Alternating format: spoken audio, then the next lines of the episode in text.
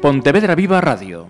Una tertulia sí, es una gente, un grupo de gente que se reúne para hablar de determinadas cosas, de lo que quieran.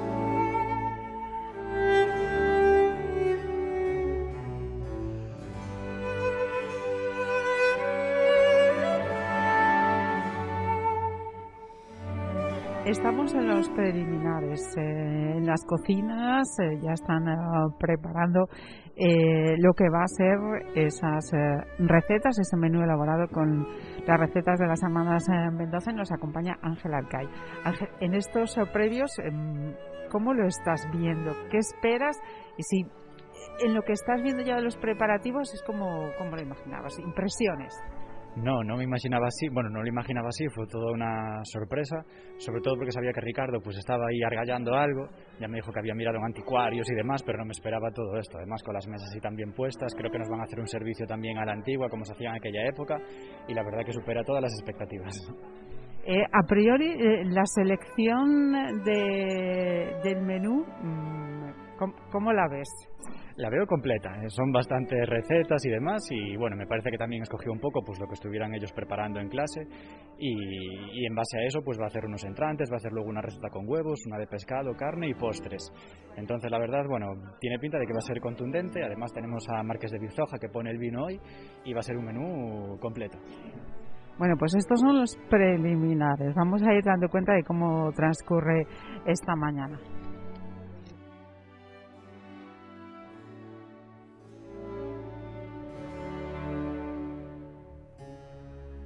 Pois eh, estamos tamén con eh, Ricardo que está ordenando, preparando xa os últimos toques. A proposta como está a ser polo de agora? Pois está resultando super ben, como sempre. Desde que nos puxemos co libro este de Ángel, non? 2001 recetas do Palacio de Mendoza, eh, vimos que, ou unha vez máis, igual que as recetas antiguas das avós, pois que tiña bastante potencial para traballar na aula, non? Entonces, os rapaces o que fixemos con eles foi fai 15 días seleccionar eh, en 10 recetas, estamos traballando ahora mismo 8, 6 de recetas das que había, e eh, intentar encaixalas nun menú, do que ahora entendemos un menú con entradas, con aperitivo, entrada, peixe e carne, non? E iso que estamos traballando. Ah, o bonito do tema, pois que hubo que coller receitas que están escritas sin cantidades, algunha con procesos culinarios que son de moi sobrecoccións, que antes había sobrecocción nos alimentos, eles danse conta, pero como pode frío o lomo dúas veces? E iso é interesante, iso aflora, non? Un rapaz que ten unhas certas eh, conocimientos xa culinarios, pois empeza, digamos, a limar esas asperezas e a adaptar as recetas antiguas a as coccións de hoxe. E tamén, pois, o tema dos ingredientes. Danse conta que en 1890 en Pontevedra se traballa a trufa e decían, pero isto que eran ricas ou que?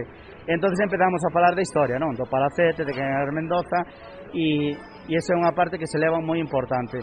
Ademais, están vendo que en unha receta hai hasta catro linguas diferentes. Aparece os ovos en alemán, eh, aparece o que si un pouco de agua en inglés, e iso le chama moitísimo a atención.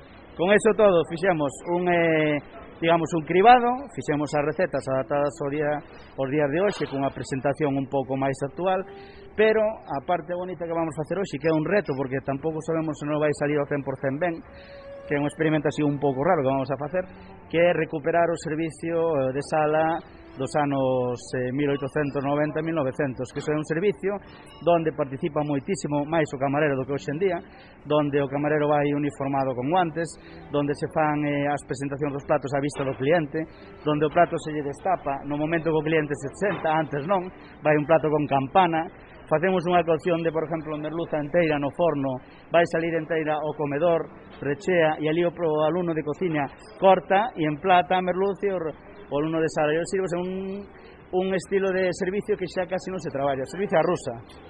Ou seja, que é un servicio incluso máis eh, complexo do que é agora. Si, sí, é un servicio dándolle protagonismo ao xente de sala, que tamén ten o seu protagonismo, porque non se limita solamente a eh, a esa concepción do que o camarero, o camarero vale calquera, e é levar platos da cocina á sala. Pois non é tan así. Hai que ter outro tipo de conocimientos, hai que ter un protocolo, ou se van a aplicar un poquinho o protocolo. Temos poucos rapaces en sala, pero bueno, vai haber colaboración entre cocina e sala e vamos a intentar que salga ben se non sale tan ben, pois ese é o bonito da formación profesional é para ensayar, non? E o que facemos aquí é o campo de probas. Mira, e outra cosa, falamos tamén dos oh, produtos, non? Daquela é evidente que non era sinxelo obter eh, todos os produtos eh, que las tiñan. Eh, para vos iso desta vez eh, foi un reto, onde se atoparon, contanos. Bueno, non, a ver, non, non tuvemos eh, problema para atopar produtos. Eu fun así un pouco hábil nese sentido porque fun a eloxir recetas, dinlle receitas para que filtraran, donde había produtos que podemos eh, ter, hoxe en día podemos conseguir afortunadamente unha trufa, non? Temos unha receta con trufa, pero eles enseguida se dan conta que unha receta con trufa en 1890, unha receta con manteiga ou con ameixas en 1890, o mellor, ostra, pois non era tan fácil de conseguir. Entonces eh, non tuvemos problema para topar ningún dos produtos que traballamos hoxe. Ningún. E, e eh, eh, hubo ocasión de, de engadiros que vosotros eh, traballais na horta. Ah, sí, van produtos da horta, eso sempre. Van produtos da horta nos platos, desde o perixel ao tomillo que vai decorativo, algunhas aromáticas que usamos para aromatizar os fondos que fixemos, do poli, e do bolobán, eso sí, eh, sempre produto da horta.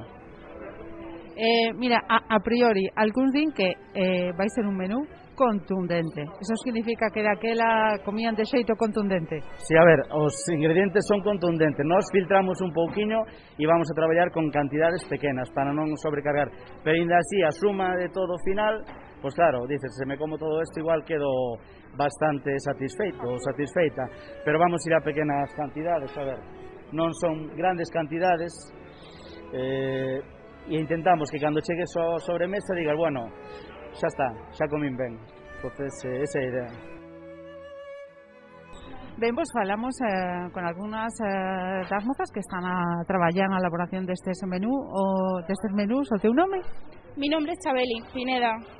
Eh, Chabeli, como está a ser a experiencia hoxe con este menú así tan especial? Vale, la verdad es que es un menú muy interesante, eh, nuestros platos también son bastante interesantes. Lo único tedioso del menú ha sido interpretar las recetas, ya que no tenían las cantidades exactas y no venía explicada como estamos acostumbrados. Pero bueno, por lo demás, genial. Es una propuesta muy interesante. Pois pues hablamos con outra compañeira, o teu nome? Nerea Rodríguez. Nerea, no teu caso, como está a ser esta experiencia de hoxe? É unha experiencia bastante boa, eh, xa que damos a conocer eh, a cociña de antes eh, tanto os procesos como, como eran, como a clase alta, os privilexios que tiñan, entón é bastante é bastante guai no sentido de que podemos eh, optar a, conocer, a coñecer esas, esas cociñas. Entón, está sendo unha experiencia innovadora e moi gratificante. Eh, eh, o ter acceso a estas eh, receitas que foi o que máis chamou a vosa atención? Eh, primeiro que tiñan un, un nivel adquisitivo bastante bo, entonces tiñan un montón de produtos que ahora coñecemos como os da clase máis alta e que antes nadie podía acceder a eles, solo a xente máis alta, como os da clase alta que podían acceder, e eh, o máis tedioso, tedioso de todo é interpretar as receitas sin duda ninguna, porque elas emitían francés, eh, alemán, entón Eh, o máis tedioso é eso, interpretar as cantidades tampouco hai, ten que ser todo a ollo ou interpretado a receitas que nós temos agora na actualidade, sabes? Entón, eso é máis complicado, pero polo resto todo genial. Igual, lo mío también. Lo, me llamó la atención muchísimo lo del uso del vocabulario que tenían, que mezclaban un montón de idiomas. Y por lo demás, bien, me parece una propuesta interesantísima y espero que salga todo bien. Antonio Suárez, sí, eh, bueno, profesor de servicios de restauración. A ver, va a ser un servicio a la antigua, como se hacía cuando nosotros estudiábamos hace muchos años, lo que sale, la cuna de los hostelería, lo que se, que se ve todo de paradores y de los grandes hoteles. Servicio todo trabajado en gueridón, en mesa auxiliar, con campanas de cocina, eh, fuentes con campana, eh, eh, todo lo clásico que hoy en día no se hace, las mesas montadas como antaño, un servicio con guante blanco y bueno, más técnica toda en la sala. Lo que ahora viene todo emplatado, ahora aquí es todo para trabajar delante del cliente. Es decir, eh, dar más eh, visibilidad y protagonismo a esta parte de, de toda esta ceremonia, ¿no? Bueno, eh, yo no diría lo mismo, porque se está haciendo, por ejemplo, los que estrellas Michelin hacen lo mismo, pero con nitrógeno, con tal, pues no, aquí volvemos a, a lo que se hacía antiguamente. Eh, en este caso, como eh, el ciclo superior tenemos muy poco alumno y hoy con el COVID nos ha faltado varios, hay cuatro solos. Si no, eh, en este caso hubiésemos nosotros despinado la, el pescado, trinchado la carne, que son piezas enteras. Esto muchas veces vas a hoteles como el Savoy en Londres y estos, hoteles, siguen saliendo estos carros de carne para trinchar, pescados para desespinar, flambear todo delante del cliente y los, las, la, la neorestauración, bueno, la restauración moderna hace lo mismo pero con otras técnicas termina con un poco de nitrógeno, tal, tal, sin tanto profesionalidad, pero también muy visual, no sé si me explico. Esto es, esto es más artesano, esto es más, más profesional. Lo otro lo puede hacer cualquiera, es un entrenamiento. Solo es, pum, esto no, esto ya es um, muchas tablas, muchos años. Esto no se aprende de un día para otro.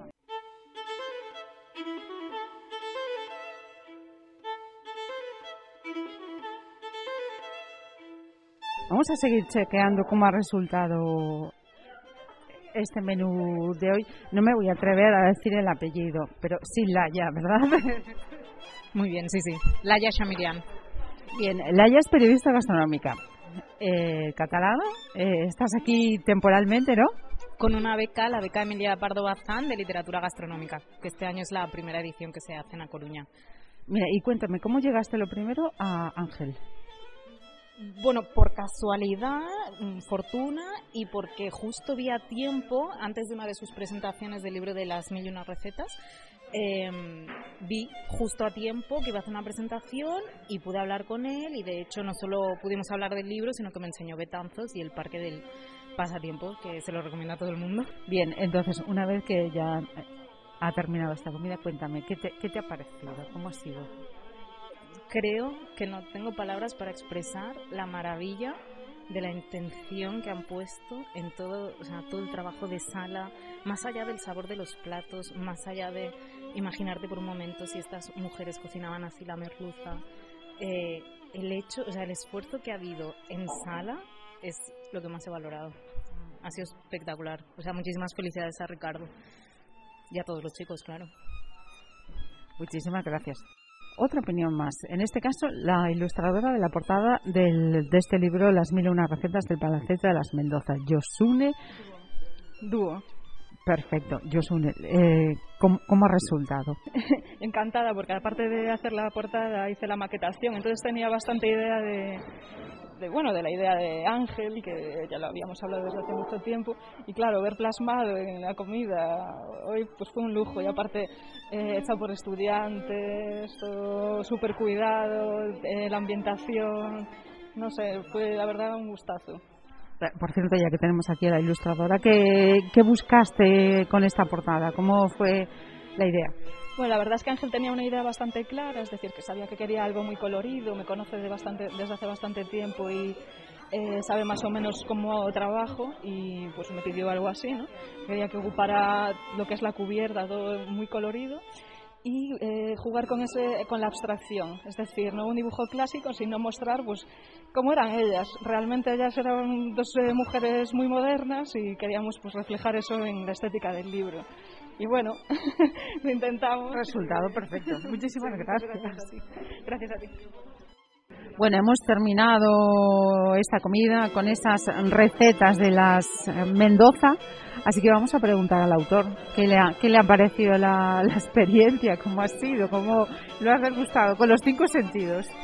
Sí, con los cinco sentidos y un ojo mirando para el libro, pero la verdad que, que clavaron todas las recetas, que el resultado fue espectacular y que estaba todo muy rico, que era lo importante. Eh, después de, de, haber probado esto, eh, una de las conclusiones parece que comían poco y mal. Sí, eran recetas muy ligeras todas y parece que, que, pasaban hambre en el palacete, no, en serio. Sobre todo quien vea las recetas verá que la forma de cocinarlo incluso no utilizaban aceite, por ejemplo, era todo con grasa animal, que yo entiendo que eran las re reinterpretaciones de los alumnos, eso sí que se cambió, pero tendrían que ser en su momento aún más pesadas y claro, para comer tantos platos como hemos comido ahora, pues sería algo más complicado de llevar. Para aquellos que estén viendo las imágenes de estos platos que han elaborado en el Carlos Oroza, hay que decir que mm, hay que recomendar el libro todavía con más motivo, ¿no, Ángel? Sí, ahora ya con prueba práctica sabemos que tenemos que recomendar el libro, que la gente lo compre y que se anime a cocinar en sus casas o a reinterpretar las recetas. Comentábamos aquí que es muy difícil a día de hoy calcular cuántos son 20 céntimos de levadura, como dicen ellas, pero sí que, bueno, con algo de práctica en la cocina y echando cálculos a ojo, son recetas que más o menos se pueden ir sacando adelante.